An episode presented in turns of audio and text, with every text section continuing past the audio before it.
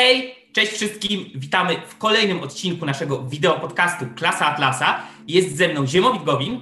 Czołem. Ja nazywam się Mateusz Błaszczyk. To jest już jedenasty odcinek obecnego czwartego sezonu i tym razem wyjątkowo y, nagramy i wypuścimy dla Was dwa odcinki nietechniczne, luźniejsze z rzędu, czyli odcinek zarówno 10, jak i 11 y, będzie należał do tej grupy niepoświęconej bezpośredniej epistemologii, chociaż jak zobaczycie pośrednio owszem, a później wrócimy już do normalnego trybu odcinek techniczny, odcinek luźny i będzie taka przeplatanka. Także tutaj zwracamy uwagę, przepraszamy, dzisiaj będzie wyjątek, a o czym konkretnie porozmawiamy? No mam nadzieję, że temat tym niemniej będzie ciekawy e, i zacznę od pewnego cytatu cytatu, który jest bardzo powszechnie i bardzo często przypisywany Konfucjuszowi, e, chińskiemu myślicielowi, filozofowi e, z V wieku przed Chrystusem. Tylko szczerze nie znalazłem konkretnego, twardego potwierdzenia, że to rzeczywiście jest cytat Konfucjusza. Być może to jest jeden z tych cytatów, który po prostu tak krąży i przypisuje się go komuś. A mianowicie Naprawę państwa należy zacząć od naprawy pojęć. Niezależnie od tego, czy to jest Konfucjusz, czy nie, e, maksyma wpisuje się w temat dzisiejszego odcinka, bo dziś porozmawiamy o tym, które pojęcia warto naprawić, które warto odbić z rąk tych, którzy używają je w zły sposób albo kompletnie przeinaczają i w jaki sposób odzyskiwać stracone pojęcia, definicje i terminy. I tak naprawdę y, tych pojęć jest o wiele więcej y, niż dzisiaj pokażemy. Zresztą już tro, troszeczkę się przyglądaliśmy tej kwestii, chociażby gdy omawialiśmy deon, deontologię i y, pojęcie obowiązku, tłumacząc dlaczego zdaniem Rand jest to tak zwane antypojęcie. W pewnym sensie, chociaż jest to odcinek luźny, to jest to odcinek z tak zwanej epistemologii stosowanej, gdzie stosujemy epistemologię na konkretnym przykładzie. My oczywiście w kolejnych odcinkach z działu e, epistemologii będziemy zajmować się pojęciami pierwszego poziomu i pojęciami wyższego poziomu, czyli takimi abstrakcyjnymi, jak na przykład e, kapitalizm, którym e, się dzisiaj zajmiemy. Aż dojdziemy, do, aż dojdziemy do 33 poziomu wtajemniczenia i tak. zostaniemy wielkimi mistrzami lub masonskich.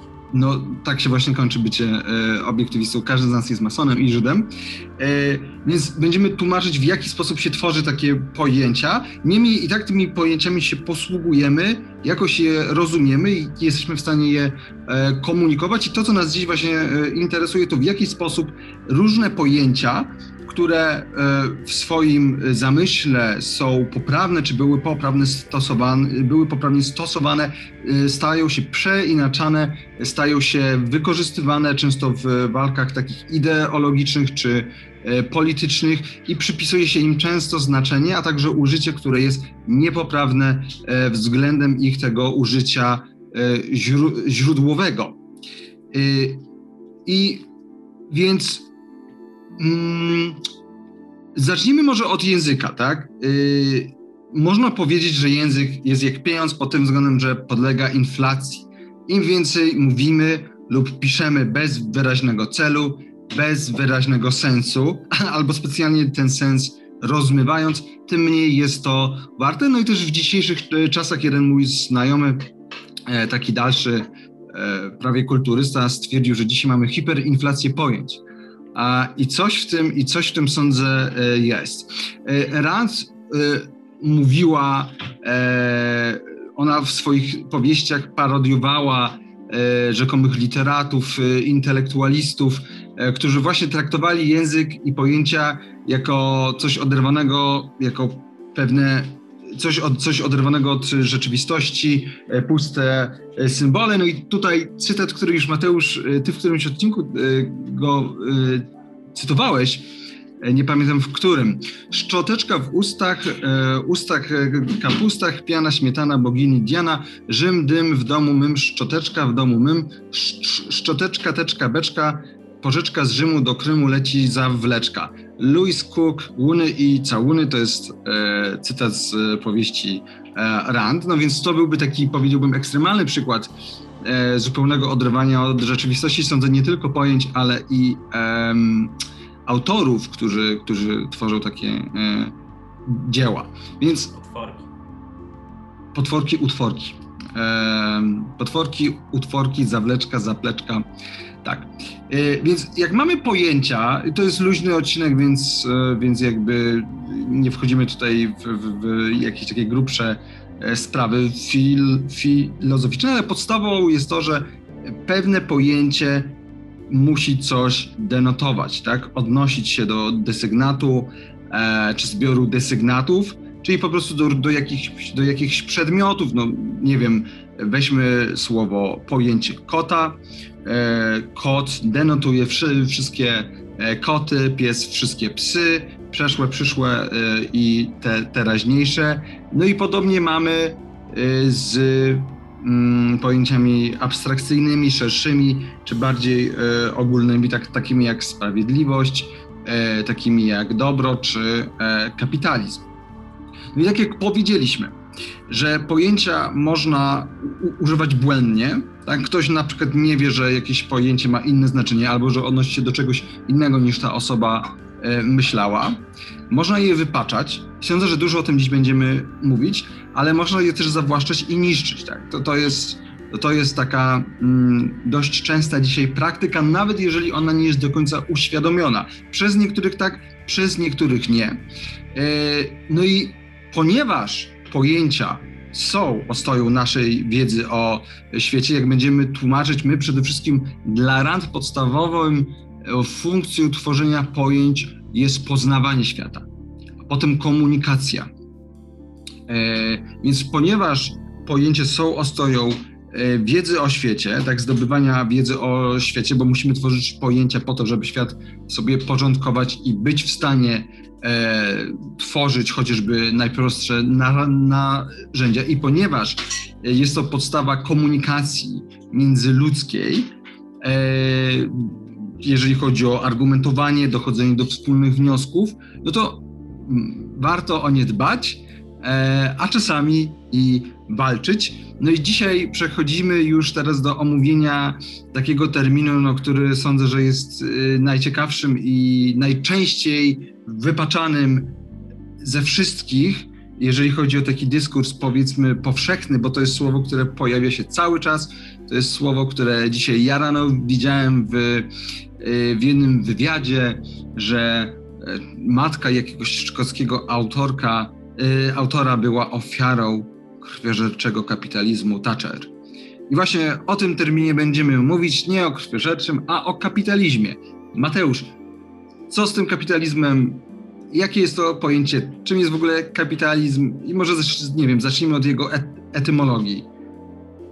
Tak, zacznijmy od początku, czyli skąd w ogóle pojawiło się to słowo, skąd pojawił się ten termin. Więc y, zaczniemy od kapitalizmu i będziemy się cofać, cofać, cofać, iść w głąb przeszłości, y, żeby zobaczyć, jakie jest źródło słów i jak ten źródło słów ma się do sensu, znaczenia, treści. Bo wiadomo, słowa mogą zmienić znaczenie e, w ciągu swojego funkcjonowania poprzez wieki. W polszczyźnie jednym z takich częściej pokazywanych przykładów jest słowo kobieta, które kiedyś było e, no, wyjątkowo obraźliwym określeniem e, i było porównywalne do innego słowa na K. Natomiast to, co dzisiaj rozumiemy przez kobietę, to była niewiasta, białogłowa, etc. Więc pojęcia mogą zmieniać znaczenie, ale chodzi o to, że w danym momencie, kiedy się ich używa, w danym kontekście danego społeczeństwa i czasu, one muszą coś znaczyć. I to jest podstawa. One muszą mieć jakąś treść. Więc przejdźmy do kapitalizmu. Kapitalizm jest słowem wtórnym wobec y, słowa kapitalista. Najpierw była mowa o kapitalistach, dopiero potem pojawił się kapitalizm jako system. Słowo kapitalista pochodzi, to myślę, że można się łatwo domyślić, od słowa kapital, e, którego z kolei źródłosłowem jest późnołaciński wyraz capitale, a ten pochodzi od łacińskiego caput, czyli głowa. E, stąd kiedyś nawet widziałem. E, Ale wiecie dlaczego? Dlatego, że kapitalizm jest systemem ludzi racjonalnych, więc pochodzi od głowy. o, do tego jeszcze przejdziemy, że kapitalizm jest systemem ludzi racjonalnych. Natomiast powiem, że widziałem kiedyś e, w internecie, to jest taka luźna anegdotka, e, zapalonego wolnorynkowca, który stwierdził, że termin kapitalizm no jest już tak wypaczony, zepsuty i tak dalej, że ciężko będzie go właśnie odbić i oczyścić, więc zaproponował polskie tłumaczenie główszczyzn albo główszczyzna i tak dalej, żeby zachować źródło słów od kaput, czyli głowy. Ale zostawiając to na boku... Główszczyźniana. rynek główszczyźniany. No. Wolnorynkowy główszczyźnizm. A więc jak termin kapitał powstał z kaput, czyli z głowy? E, otóż geneza, jak wielu pojęć, jest bardzo prosta. E, swoją drogą to jest może nie dowód, ale e, kolejne potwierdzenie tego, że Ayn Rand ma rację, jeśli chodzi o tworzenie pojęć, że po, pojęcia wyższego poziomu tworzone są z pojęć niższego. Prawie wszystkie abstrakcyjne pojęcia, które mamy dzisiaj, można wywieść, przynajmniej etymologicznie, z bardzo konkretnych przyziemnych, namacalnych kwestii, które dotyczyły prostego życia e, codziennego ludzi w dawnych czasach. I w tym wypadku o co chodzi z tą głową? E, kapitał, to kapitale od kaput, to były pierwotnie po prostu wszystkie nieruchomości, albo jeszcze precyzniej, jeszcze precyzyjniej, przede wszystkim żywy inwentarz, czyli po prostu bydło. I kapitał oznaczał po prostu po głowie, w sensie dosłownym ile było głów, jakichś krów, byczków, cielaczków i tak dalej, które posiadał dany człowiek. Więc kapitał był bydlizm. Gło... Bydlizm, tak. Bydlizm, krówszczyzn. Kapitał e, był po prostu e, synonimem pogłowia bydła e, posiadanego przez daną osobę. Ale wiadomo, że to jest bardzo zamierzchły, zamierzchły okres. Przejdźmy dalej. No tutaj już w średniowieczu, już w dojrzałym średniowieczu, e, zgodnie z badaniami Ferdynanda Broidla, e, historyka ze szkoły Anal, zresztą mocno zasłużonego dla e, badań nad kapitalizmem, nie bez zastrzeżeń może, ale, ale jednak, w XII i XIII wieku kapitał zaczął oznaczać znacznie szersze pole pojęciowe, a mianowicie fundusze, zapasy towarów, sumy pieniędzy, pieniądze oprocentowane. A od XIII wieku i w przód, zwłaszcza już kiedy mieliśmy schyłek średniowiecza, początek okresu wczesno-nowożytnego, kiedy mieliśmy renesans, kapitał oznaczał po prostu aktywa kapitałowe danej firmy handlowej i można powiedzieć, że był zamienny z terminami bogactwo, pieniądze, fundusze, towary, aktywa, majątek, więc to jest już znaczenie po XIII wieku, XIII wiek i w przód, które jest mocno bliskie do, do obecnego, współczesnego rozumienia terminu kapitał. Nieco później, w XVII wieku, pojawiło się już określenie kapitalista jako osoba, która posiada i zarządza kapitałem. E, później to słowo nabrało w kolejnych stuleciach e, bardzo negatywnego e, odcienia znaczeniowego, ale, ale tak czy siak powstało po prostu jako neutralne określenie posiadacza kapitału. No i wreszcie przechodzimy do tego całego kapitalizmu. E, jest dość rozpowszechnione przekonanie, że po raz pierwszy e, terminu kapitalizm e, użył Karol Marx. Nie jest to bardzo błędne i bardzo dalekie od prawdy, bo Karol Marx był jednym z pierwszych. Natomiast na tyle, na ile mi wiadomo, nie był pierwszy, uprzedził go również socjalista, tylko że spośród francuskich socjalistów utopijnych to nie był jeszcze naukowy socjalizm e, a la Marx, e, czyli e, Louis Jean José Charles Blanc, który użył terminu kapitalizm w dziewiątym wydaniu jednej ze swoich książek, Organizacja Pracy. Nie znam francuskiego. Organisation du travail. Du travail. Du travail. I tam, i to jest ciekawe, to jest ciekawe, bo po pierwsze, moim zdaniem, samo, samo to, co on zrobił i po co mu był ten termin, jest ciekawe, i po drugie, uważam, że całkiem trafnie zdefiniował, czym jest kapitalizm. E, na tyle, na ile mógł w połowie XIX wieku. I ów e, Louis Blanc e, przeciwstawił pozytywny termin, uwaga, pozytywny, kapitał negatywnemu terminowi w jego oczach kapitalizm. Bo Louis Blancowi nie podobało się mylenie zacnego, szlachetnego słowa kapitał, które według niego było, i tutaj pozwolę sobie zacytować, cytuję, wiecznie mylone z tym, co nazywam kapitalizmem, to znaczy zawłaszczaniem kapitału przez jednych z wyłączeniem innych. Niech wszyscy krzyczą, niech żyje kapitał. Będziemy oklaskiwać kapitał, a nasz atak na kapitalizm, jego śmiertelnego wroga, będzie tym silniejszy. Koniec cytatu. Ja rzuciłbym to e, jako cytat, który powinien poznać każdy współczesny, e, samozdeklarowany socjalista. Niech żyje kapitał. Chciałbym zobaczyć, jak, e, jak e, dzisiejsi socjaliści XXI wieku coś takiego krzyczą. O co generalnie chodziło e, Louis Blancowi? E, on doceniał znaczenie kapitału, czyli tworzenie dóbr materialnych i usług, e, budowanie majątku, e, tworzenie bogactwa, e, dysponowanie towarami, aktywami, funduszami itd. Tak to wszystko było dla niego ok. Co mu się nie podobało? Nie podobało mu się to, że dany kapitał, dane bogactwo, dany majątek jest przypisany wyłącznie, ekskluzywnie do konkretnej osoby. Czyli ktoś konkretnie jest właścicielem danej fabryki, ktoś konkretnie jest właścicielem e, danej maszyny, ktoś konkretnie jest właścicielem silnika parowego i tak dalej, i tak dalej, i tak dalej. To był okres, no, wczesny, można powiedzieć, jeśli chodzi o e, rozwój nauki zwanej ekonomią. I ja bym Louis Blancowi nawet tutaj dał trochę więcej wyrozumiałości niż na przykład później Marksowi, który nie poprawił swoich tez, nawet jak zostały konkretnie rozłożone na łopatki przez Karla Mengera, e, ale jego problemem była ta ekskluzywność. I sam zdefiniował kapitalizm, uwaga, jako zawłaszczanie kapitału przez jednych z wyłączeniem innych.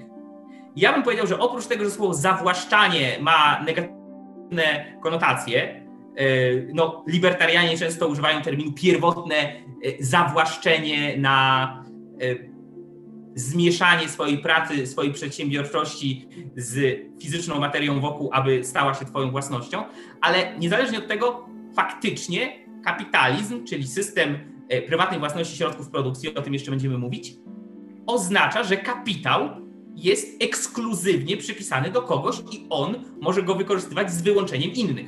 Moja myszka komputerowa jest moja, mój dom jest mój, moja fabryka jest moja. Oczywiście mogą być bardzo różne E, metody dochodzenia do tego, jak się dzielić. Mogą być zakładane spółdzielnie, kooperatywy, takie czy inne kolektywy, spółki akcyjne, e, giełda itd., itd., itd. Natomiast to są dalsze etapy rozwoju e, tego, co dzieje się z tą wiązką uprawnień własności, która prymarnie, pierwotnie jest przypisana do kogoś, a nie do całej ludzkości na świecie. E, więc tutaj jest to, myślę, ciekawe spojrzeć na to, jak został po raz pierwszy użyty termin kapitalizm, o co chodziło autorowi że o ile się mylił, e, to nie mylił się aż tak bardzo, ponieważ przynajmniej potrafił dostrzec, dlaczego kapitał jest czymś dobrym i pożądanym e, i nie umiał tylko zrozumieć, dlaczego nie może być kapitału bez wyłączności właścicielskiej w pewnym sensie no a po Louis Blancu poszło już z górki, jak, jak ja to mówię. E, Pierre-José e, Proudhon, czyli ojciec anarchizmu e, i autor takiej broszurki Własność to kradzież, Karol Marx, pozostali socjaliści XIX i XX wieku. E, no, generalnie używali terminu kapitalizm oszczerczo, jako synonimu czegoś złego. W kontrze pojawili się obrońcy systemu włas e, prywatnej własności środków produkcji, którzy używali go pozytywnie. No tutaj chociażby pierwszy przedstawiciel austriackiej szkoły ekonomii Karl Menger i jego najwybitniejszy uczeń Ludwik von Mises i wielu, wielu innych. E, albo w ogóle starali się e, obrońcy systemu prywatnej własności uciec od tego terminu, stwierdzić, ok, to jest termin używany przez Marksa, to jest termin używany przez socjalistów, my go nie chcemy, e, my znajdziemy sobie inną nazwę albo będziemy używać czegoś omownego, na przykład system wolnej przedsiębiorczości i własności i coś tam, coś tam, coś tam, coś tam. Ale w największym skrócie etymologicznie taka jest geneza terminu kapitalizm. No i y, można powiedzieć, że już przechodząc do tego stanu dzisiejszego, jak dzisiaj jest używane to słowo, y, to jest podobnie jak z terminem neoliberalizm, którego osobiście nie cierpię. Y, no to kapitalizm stał się takim pojęciem wydmuszką, które właściwie nie znaczy nic, to znaczy dla niektórych znaczy w określonych debatach, na przykład dla nas, ale właściwie w mediach, w takim dyskursie publicznym, no to to e, jest właśnie takie pojęcie wydmuszka. E, o wiele częściej jest używane właśnie przez wrogów systemu prywatnej własności, środków produkcji niż przez zwolenników. No i właśnie tak jak Mateusz, tak jak powiedziałeś, właśnie bardzo często te osoby, które są za kapitalizmem, próbują używać, e, no nie wiem, mówią, że nie są kapitalistami czy zwolennikami e, kapitalizmu, ale nie wiem, klasycznego liberalizmu, e, libertarianizmu, wolnego rynku, laissez-faire'izmu. Natomiast przejdźmy do tego, w jaki sposób ten termin kapitalizm jest błędnie lub nieprecyzyjnie używany na konkretnych przykładach, to znaczy no, mamy kilka po prostu, można wyodrębnić pewnego rodzaju grupy ludzi, którzy używają go w błędny sposób. No i mamy tak zwanych zwykłych, prostych e, ludzi. Czasami w filozofii się mówi, że człowiek z ulicy. Dla nich e, kapitalizm jest często synonimem jakiegoś systemu, który jest skorumpowany, systemu, który jest kolesiowski, kompradorski, gdzie właśnie za pomocą nie wiem, przekupstwa, lobbingu jakaś wąska elita najbogatszych zapewnia E, sobie specjalne, niedostępne dla innych ludzi przywileje, które też są gwarantowane przez e, polityków i e, biurokratów, za którymi stoi, no wiadomo, cała potęga machiny aparatu państwa. To jest ten tak zwany cronizm. I tutaj to jest, to jest y, ciekawe, bo osoby, które, które się interesują tym tematem, zazwyczaj zwolennicy e, kapitalizmu, wolnego rynku, mówią, że to jest kapitalizm kompradorski, taki pseudo-kapitalizm. Natomiast faktycznie jest tak, że w pojęciu wielu ludzi e, w głowach wielu ludzi słowo kapitalizm ma właśnie takie e, znaczenie. No, z kolei lewica szeroko rozumiana i ta polska, i ta zagraniczna, i skrajna, e,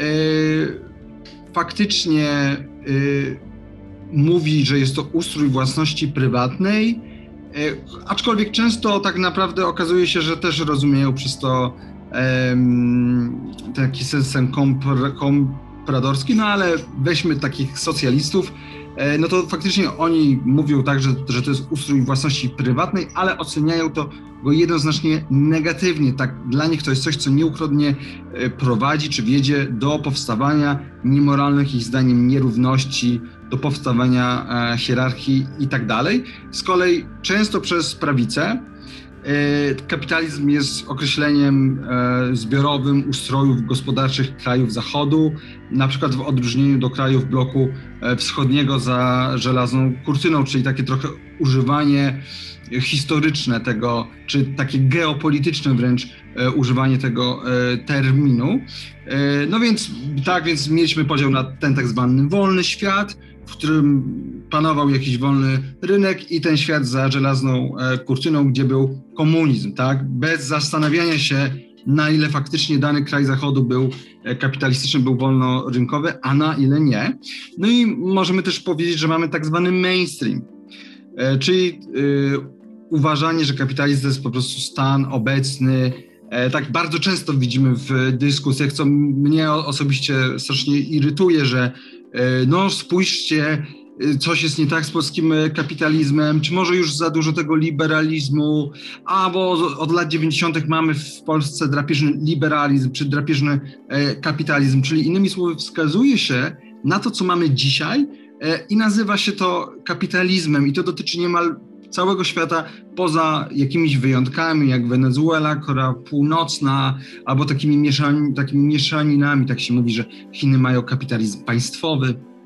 E, więc tak naprawdę w, w tym rozumieniu takim mainstreamowym kapitalizm to jest e, rzeczywistość, w której już jesteśmy, tak? To znaczy my żyjemy zdaniem tych osób w kapitalizmie, ze wszystkimi... Późny, późny kapitalizm, tak? Późny, Ludzie e, późnego kapitalizmu tak zwani. Tak, i tak, i tak naprawdę te wszystkie, te wszystkie grupy tutaj wyodrębniliśmy, ale one się ze sobą zazębiają, bo to y, no, wszystko sprowadza się tak naprawdę do tego, że to pojęcie jest rozmyte, więc one tam na siebie jakoś, y, jakoś nachodzą.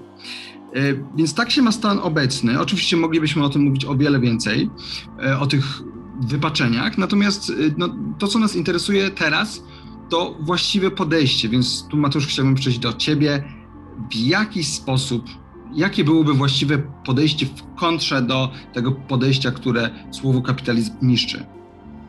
Przede wszystkim zacznijmy od tego, że nawet jeśli ktoś uważa, że e, można powiedzieć, że w tym czy innym kraju, w Chinach jest na przykład kapitalizm państwowy czy coś takiego, e, gdzieś indziej jest kapitalizm e, właśnie kolesiowski, gdzieś inny jest jakiś inny, to to, co jest istotne, niezależnie od tego, jakie epitety, jakie przymiotniki chcielibyśmy dołożyć do słowa kapitalizm, aby wyróżnić jakieś jego typy, to żeby w ogóle miało to sens, najpierw musimy wiedzieć, co znaczy samo określenie bez przymiotnika. Tak?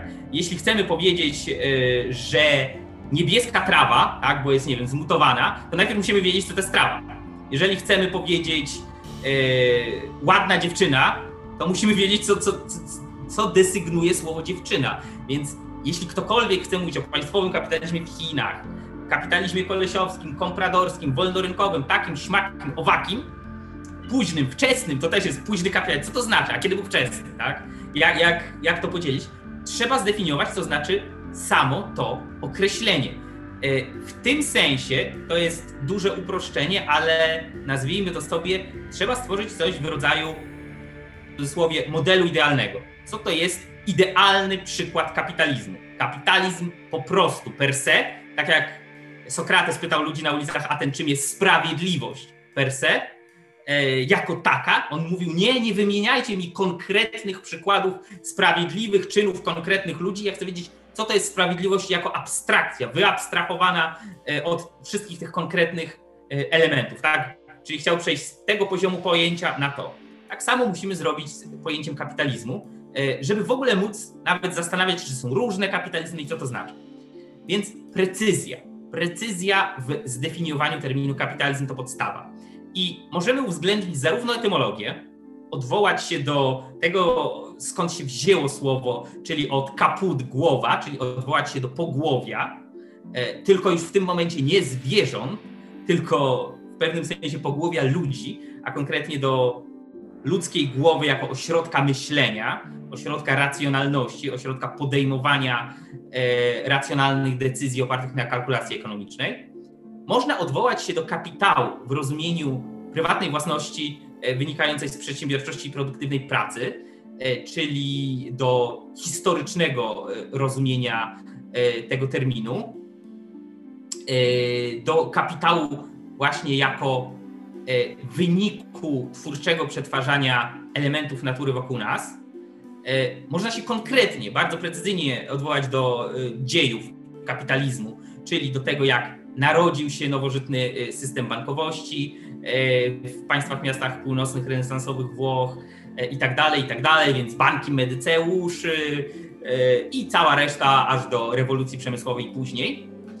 No ale przede wszystkim trzeba się odwołać, biorąc wszystko poprzednie pod uwagę, do filozofii. Trzeba zbudować koncept, trzeba zbudować pojęcie kapitalizmu, czyli przedstawić, co w praktyce musi tak naprawdę ze sobą nieść i musi oznaczać system, który, i to jest taka podręcznikowa definicja kapitalizmu, system, który jest systemem prywatnej własności środków produkcji. Jeśli faktycznie miałyby to być potraktowane serio i miałoby to być potraktowane jako ten model wyjściowy, ten typ idealny, nazwijmy to sobie, względem którego możemy oceniać inne ustroje, systemy i tak dalej. E, bo w tym momencie, jeśli ktoś powie, mamy w Polsce kapitalizm, okej, okay, w porządku. Czy mamy system prywatnej własności środków produkcji? Czy wszystkie e, e, środki produkcji są prywatne? Nie. Czy wszystkie środki produkcji, które teoretycznie są, bo część państwowa, które teoretycznie są prywatne, faktycznie E, wypełniają ściśle definicję e, własności prywatnej. No nie. ponieważ y, są regulacje, restrykcje, zakazy, nakazy, ograniczenia, które mówią producentom, jak można ich używać. Czy owoce pracy wynikłe z wykorzystania prywatnych środków produkcji są faktycznie również prywatne? No, znów odpowiedź brzmi nie, ponieważ mamy do czynienia z podatkami, z inflacją i tak dalej, i tak dalej, i tak dalej. Więc powiedzieć w Polsce jest kapitalizm, okej, okay, może jest, może nie jest, jeszcze, jeszcze nie zdefiniowaliśmy, czym jest kapitalizm. E, powiedzieć w Polsce jest kapitalizm, to nie powiedzieć tak naprawdę nic, jeśli nie powie się względem czego mierzymy, tak? Musimy mieć ten standard, musimy mieć tę miarę. E, tak jak mówiliśmy w odcinkach o tym, co jest standardem wartości dla e, decyzji człowieka i że ludzkie życie, jego dobrostan E, szczęście, spełnienie, rozkwitanie jest tym standardem i dlaczego musi być tym standardem. Tak samo w przypadku tworzenia tego typu e, abstrakcyjnych pojęć wyższego poziomu musimy stworzyć, musimy mieć ten standard, ten model idealny, a wszystko, co jest nam proponowane w tak zwanym dyskursie publicznym, w tak zwanej e, debacie politycznej, unika tego, ucieka od tego albo w ogóle nawet nie rozpoznaje potrzeby posiadania tego standardu i modelu idealnego. Więc Ziemowit, jaka jest odpowiedź? To, znaczy tę, tę, tę najlepszą odpowiedź, moim zdaniem, tu Mateusz możesz się ze mną zgodzić albo nie, daje nam Rand w e, artykule What is Capitalism? E, to jest pierwszy, to jest pierwszy esej ze zbioru Capitalism the Unknown Ideal, czyli kapitalizm nieznany ideał, pierwszy esej. Czytajcie w oryginale. I teraz ktoś może zapytać. I tam Rand tłumaczy, to jest bardzo długi esej, Rand tam tłumaczy, e, też odnosi się do historii, e, też tłumaczy, też odnosi się do e, słownikowych definicji, pokazuje w jaki sposób w słownikach to, to pojęcie jest wypaczone. A ktoś mógłby zapytać, no dobra, ale skoro nie było nigdy tego prawdziwego kapitalizmu, o jakim wy mówicie, tak? No bo skoro Rand go, de, Rand go definiuje, Rand mówi, że to jest nieznany ideał, tak? Ideał, który nie jest znany, to jest ideał, który nie został nigdy zrealizowany. My go jeszcze nie znamy. W tym sensie, że jeszcze nigdy go nie było w rzeczywistości. Więc w, jak, w jaki sposób my możemy mieć pojęcie kapitalizmu, które odnosi się do jakiegoś ideału, skoro mówiliście wcześniej, bo my mówiliśmy, że pojęcia muszą mieć jakieś swoje odniesienie. Tutaj oczywiście w grę wchodzi E, kwestia tego, skąd w ogóle możemy stworzyć to pojęcie idealnego, e, prawdziwego, czystego kapitalizmu, tego co Rand często mówi, często określa mianem kapitalizmu leseferystycznego. Zresztą nie tylko ona, ale jakby na niej się skupiamy. Dlatego, że możemy zwrócić uwagę na to, że po rewolucji industrialnej, po rewolucji przemysłowej mamy do czynienia z faktycznym powstawaniem klasy średniej, mamy do czynienia z ogromną e, z ogromnym podziałem pracy i przede wszystkim mamy do czynienia z wprowadzaniem pewnych zmian gospodarczych na podstawie pewnych ideałów, na podstawie pewnych pryncypiów, pewnych założeń. Mianowicie tych założeń, o których my myślimy, że są idealne i to jest dokładnie to, co możemy obserwować chociażby w XIX wieku, na, chociażby na przykładzie czy to Wielkiej Brytanii do pewnego stopnia, czy, czy to na przykładzie Stanów Zjednoczonych też do pewnego stopnia. Y, I teraz wiedząc, że są pewne pryncypia, y, możemy zauważyć, że po prostu w XIX wieku i później to już wiadomo, bo zaczęto od tego y, odchodzić, były pewne pryncypia, które nie były do końca zrealizowane. I na tej podstawie jesteśmy w stanie ukuć pojęcie kapitalizm, czyli byłby to system, który oznaczałby zastosowanie tych pryncypiów, zasad, e, tego sposobu myślenia o gospodarce, o społeczeństwie do końca, czyli faktycznego zrealizowania tego, tego, tego pomysłu. Co więcej, moglibyśmy powiedzieć, że dopiero po oświeceniu możemy mówić o prawach jednostki i że to, i że gdy mówimy o przetrwaniu człowieka w kontekście społecznym, to mamy na myśli prawa jednostki i widzimy, że po, jak się zastanowimy, my w, przy, my w przyszłych odcinkach w bloku o społeczeństwie i polityce będziemy to wyjaśnić, więc, więc tutaj to powiem bez argumentu. Ale wiedząc, czym są prawa jednostki, dlaczego są ważne i zastanawiając się nad naturą tego kapitalizmu, który byłby czysty, który widzimy w XIX wieku i jesteśmy w stanie wyabstrahować jego esencję, która w praktyce nie była do końca zrealizowana, jesteśmy w stanie stwierdzić, że kapitalizm jest jedynym systemem społecznym, który chroni prawa jednostki. Ale to jest oczywiście temat troszeczkę dalej, bo tutaj się zastanawiamy nad samym znaczeniem kapitalizmu. Więc tak jak Mateusz już powiedziałeś, etymologia, historia i przede wszystkim zwrócenie uwagi na ten okres historyczny post, y, po rewolucji y, przemysłowej i zauważenie, jakie zasady tam rządziły i że nie do końca były zrealizowane. Na tej zasadzie jesteśmy w stanie stworzyć pojęcie kapitalizmu jako pewnego systemu, do którego chcemy dojść. Zresztą zwróćmy uwagę, że to samo mogli, moglibyśmy powiedzieć o takim socjalizmie państwowym, bo były jakieś socjalizmy próbowane, tak? No ale czy to był pełny socjalizm, czy komunizm był w, nie wiem, w ZSRR albo w Polsce, czy to był prawdziwy? Nie ma prawdzi- nie, nigdy nie było prawdziwego komunizmu. Tak.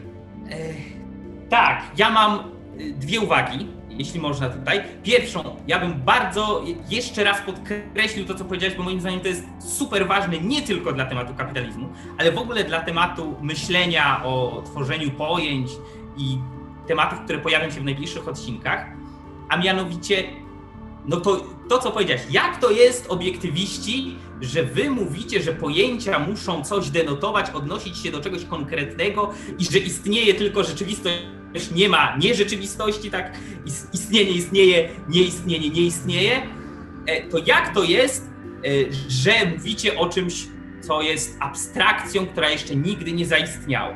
Tylko, że to jest pomieszanie z poplątaniem, to jest pomylenie e, pojęć możemy, tak samo jak na przykład, jak możemy mówić o moralności, skoro być może nigdy nie było na świecie człowieka, który w 100% e, zachowałby wszystkie możliwe standardy właściwego, racjonalnego kodeksu moralnego. No to jak w ogóle możemy mówić o moralności? E, no otóż nie, proces abstrahowania e, pewnych cech, pewnych elementów, aby stworzyć jakieś abstrakcyjne pojęcie wyższego poziomu nie polega na tym, że my musimy teraz, aby mówić o sprawiedliwości, e, znaleźć przypadki absolutnie sprawiedliwych ludzi w każdym możliwym kontekście, w każdej możliwej sekundzie życia, które nigdy się nie pojawili. Znaczy, może tacy byli, ja nie wiem, może tak nie było. Nie ma to w tym momencie znaczenia dla tworzenia pojęcia sprawiedliwość, ponieważ my abstrahujemy coś, co łączy wszystkie sprawiedliwe uczynki. Tak samo w przypadku kapitalizmu, my z obserwacji świata, z obserwacji rzeczywistości, e, z namysłu nad historią, z namysłu nad poniekąd też etymologią, przede wszystkim z namysłu filozoficznego, my abstrahujemy te elementy, które są fundamentalne, a nie przygodne, e, które są warunkiem koniecznym do nazwania czegoś kapitali kapitalizmem.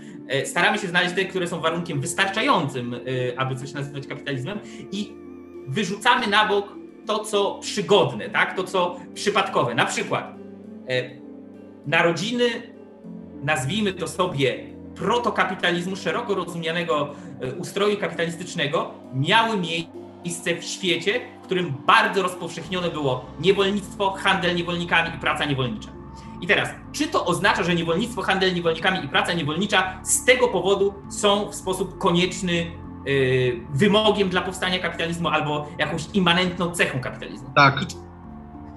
No właśnie chciałem powiedzieć, tak, część osób by powiedziała, że tak. Cała masa y, socjalistów, część socjaldemokratów, y, część lewicowych intelektualistów zajmujących się historią powiedziała, tak, tak, bez tego kapitalizm nie powstał, to jest jego, że tak powiem, grzech pierworodny, błąd założycielski, whatever.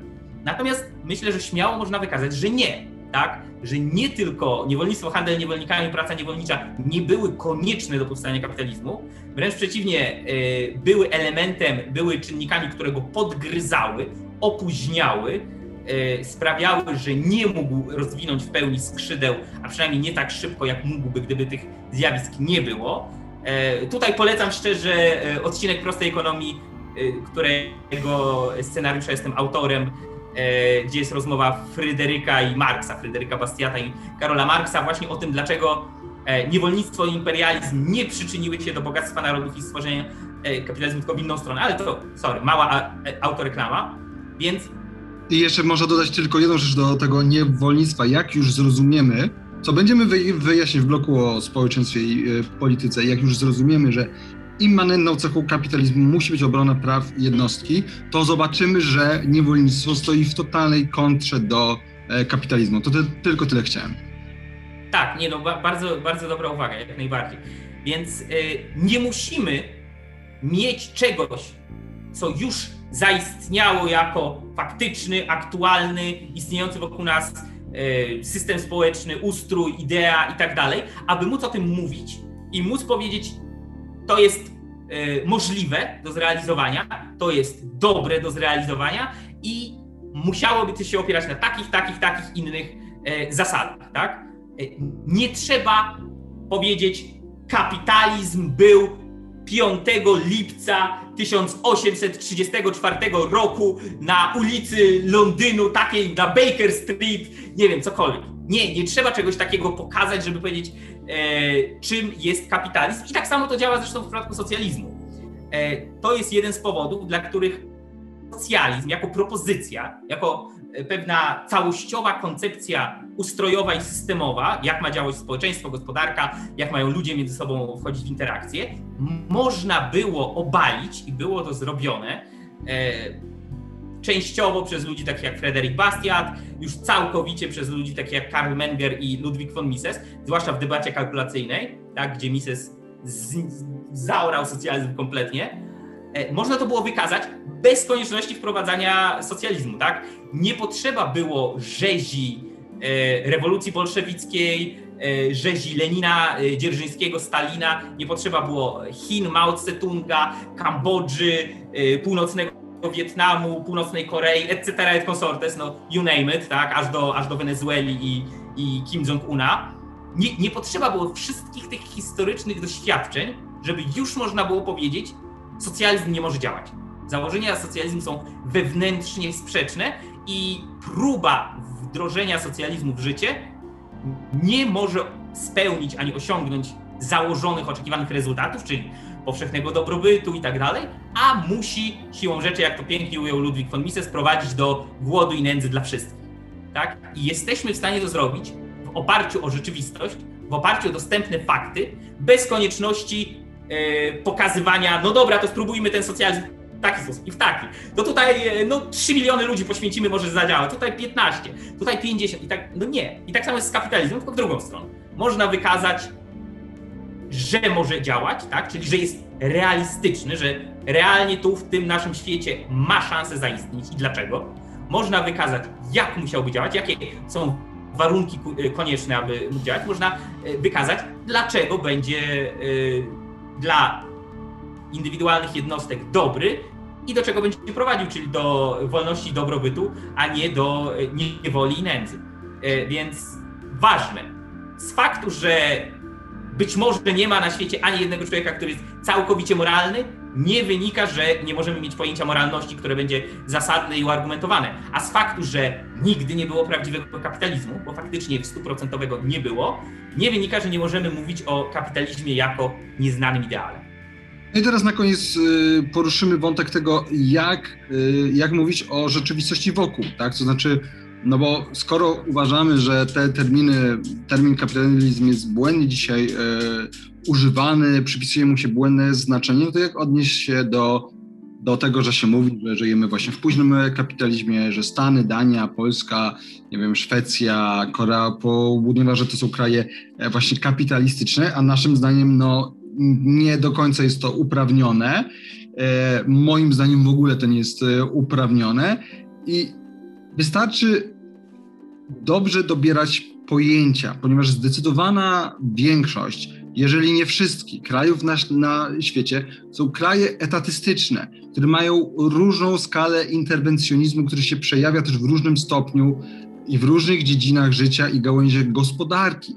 E, I większość tych krajów faktycznie ma pewne podstawy kapitalistyczne. Istnieje w nich jakiś taki quasi-kapitalistyczny fundament, taki jak częściowe rozpoznanie i częściowe respektowanie praw jednostki. Zresztą Rand o tym mówiła, co odróżnia dyktaturę od niedyktatury, tak? Czyli właśnie chociażby częściowe rozpoznanie i częściowe respektowanie praw jednostki, w tym prawa własności, e, częściowe szanowanie swo, swobody zawierania e, umów e, i tak dalej. No bo oczywiście bez takich podwalin kapitalistycznych, nawet jeżeli one są ułomne w tej wersji, no to wiemy, co by było. Głód i nędza dla wszystkich. Natomiast ten fundament jest nieustannie, bez przerwy erodowany i podkopywany przez pełzający jeszcze większy etatyzm, albo po prostu zapędy socjalistyczne, no, które są na Zachodzie coraz bardziej e, popularne. Więc e, kontekstowo można mówić o kapitalizmie, e, czy quasi-kapitalizmie niepełnym, cząstkowym, o ustroju o pewnych znamionach charakteryzujących kapitalizm w opozycji do ustrojów socjalistycznych, czy faszystowskich, czy do monarchii e, absolutnych, no ale ten prawdziwie wolnorynkowy, leseferystyczny kapitalizm sensu stricto musi mieć, tak jak powiedzieliśmy, konkretną, jasną definicję. E, dlaczego? E, po co? Po to, żebyśmy mogli o nim mówić i do niego dążyć, albo od niego się e, oddalać. Więc jeszcze raz ja bym powiedział tak, że to, co mamy dzisiaj w Polsce, w Stanach, w większości krajów, to jest albo, albo jakiś etatyzm, albo interwencjonizm, który jest oczywiście stopniowalny, jest większy lub mniejszy, albo oddala się od ideału, jakim jest kapitalizm i przybliża się do, do socjalizmu, albo, przy, albo się przybliża do tego ideału. No póki co to tendencje są raczej w tę pierwszą stronę, czyli w stronę socjalizmu. Mateusz, podsumowanie. Tak. Y myślę wobec tego, że paradoksalnie częściej właściwe rozumienie kapitalizmu przytaczają jego wrogowie niż jego prawdziwi czy rzekomi sojusznicy, dlatego że oni wiedzą, czego nie chcą, z czym walczą, czego się boją, czemu się przeciwstawiają. E, dlatego częściej uczciwie o kapitalizmie, w sensie czym, o czym w ogóle mówimy, powie jakiś e, lewicowiec czy lewak niż, niż rzekomy obrońca wolnego rynku ponieważ on faktycznie chce odrzucić wszystko, taki przynajmniej skrajny socjalista, odrzucić wszystko, co związane z kapitalizmem, a obrońca będzie mówił, no część zachodu, no tu mamy kapitalizm taki, ale można go trochę polepszyć, żeby był bardziej jakiś tam humanitarny, srarny, duparny, za przeproszeniem i tak dalej, i tak dalej. E, ale musimy mieć to pojęcie, ten model idealny i to jest zresztą tak jak już powiedzieliśmy z Ziemowitem, to dotyczy nie tylko kapitalizmu. Ten kapitalizm tak naprawdę w dużej mierze posłużył nam tutaj jako ważny i dobry, ale przykład. Przykład znacznie e, szerszej tendencji. Ja na przykład na historii sam się uczyłem, że e, co to jest feudalizm.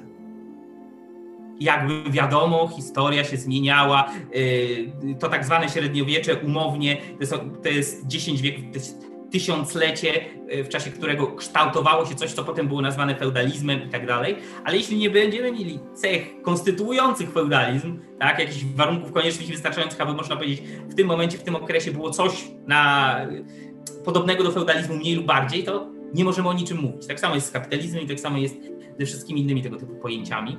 E, I język jest podstawowym źródłem komunikacji, podstawowym yy, podstawowym sposobem tworzenia wiedzy pojęciowej, e, pierwszą i najważniejszą metodą e, przekazywania idei. I z tego powodu, no, ja bym powiedział, że nie można walczyć o słuszne idee, jeśli posługujemy się terminami, czy definicjami, skojarzeniami, konotacjami, które zostały ukute przez naszych własnych wrogów.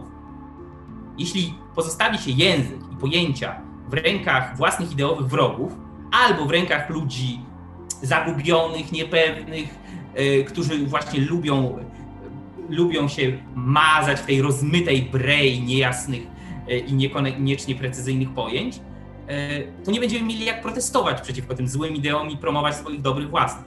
Więc podsumowując tutaj powiedziałbym tak, nie da się intelektualnie zwalczać kolektywizmu, ani, żeby być uczciwym, etatyzmu, mistycyzmu, komunizmu, faszyzmu, altruizmu i tak nie da się tego zwalczać, jeśli będziemy się posługiwać językiem kolektywistów, czy etatystów, mistyków, komunistów, faszystów, altruistów, etc. E, bo w tym momencie gramy w pewną grę, którą jest dyskurs publiczny czy debata polityczna, na ich własnych zasadach, tak? To oni ustalają reguły gry. E, no i to jest coś, co trzeba im wytrącić z ręki.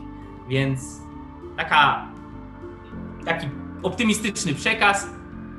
Dbajcie o pojęcia, a te, które są tego godne w pewnym sensie i które są konieczne, aby e, można było mówić na poważnie o świecie idei, społeczeństwie i tak dalej, należy po prostu odzyskać. Tym akcentem kończymy. Komentujcie, lajkujcie, subskrybujcie i wspierajcie nas na Patronite. Widzimy się za tydzień. Trzymajcie się. Cześć.